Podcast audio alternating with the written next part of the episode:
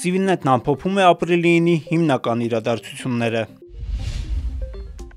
Հայաստանի պաշտոնատար անձինք թյուրիմացության մեջ են գցում բնակչությանը։ Այս մասին հայտարարել է Արցախում ռուսական խաղապահ զորակազմի հրամանատար գեներալ-լեյտենանտ Ռուստամ Մուրադովը հրապարակի հարցին ի պատասխան։ Ապրիլի 8-ին տեղեկություններ տարածվեցին, որ գերիների նոր խումբ է վերադառնում Հայաստան, այնուհետև հերկվեցին։ Այսօր Civilnet-ի հարցմանի պատասխան փոխվարչապետ Տիգրան Ավինյանի գրասենյակից հայտնել են, որ նրա գրասենյակը գերիների վերաբերյալ որևէ պաշտոնական հայտարարություն չի արել եւ որևէ լրատվամիջոց առանձին կարգով այդ մասին կանխավ չի տեղեկացվել։ Որևէ մեկի մտքով չի կարող անցնել օգտագործել գերիների թեման վարկանիշի համար, նշել են Ավինյանի գրասենյակից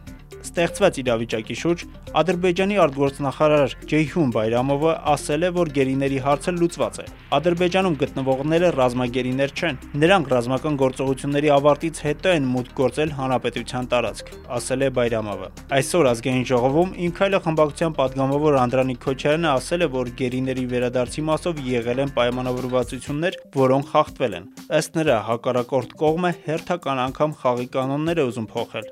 Գերիների վերադարձի հարցով Հայաստանի օմբուդսմենը դիմել է Եվրոպայի խորհրդին։ Մարդու իրավունքների պաշտպանը հատուկ արձանագրել է նաև, որ Հայաստանի պետական մարմիններն ու պաշտոնատար անձինք պարտավոր են գերիների եւ անհայտ կորածների ընտանիքների հետ ապահովել պատշաճ հաղորդակցություն։ 2018-ի հեղափոխությունից հետո հանքարդյունաբերական ընկերությունների հետ կապված քրեական գործերն արդեն մոտ 3 տարի է կուտակված են քնչական մարմիններում, ու դրանց ելքն այդպես էլ չի երևում պարզել է Civilnet-ի հետաքննությունը։ Մյուս կողմից բնապահպանության եւ ընդերքի տեսչական մարմինը եւ կառավարությունը թաքցնում են կարևոր մի շարք տեղեկություններ կատարած ստուգումների արդյունքների մասին։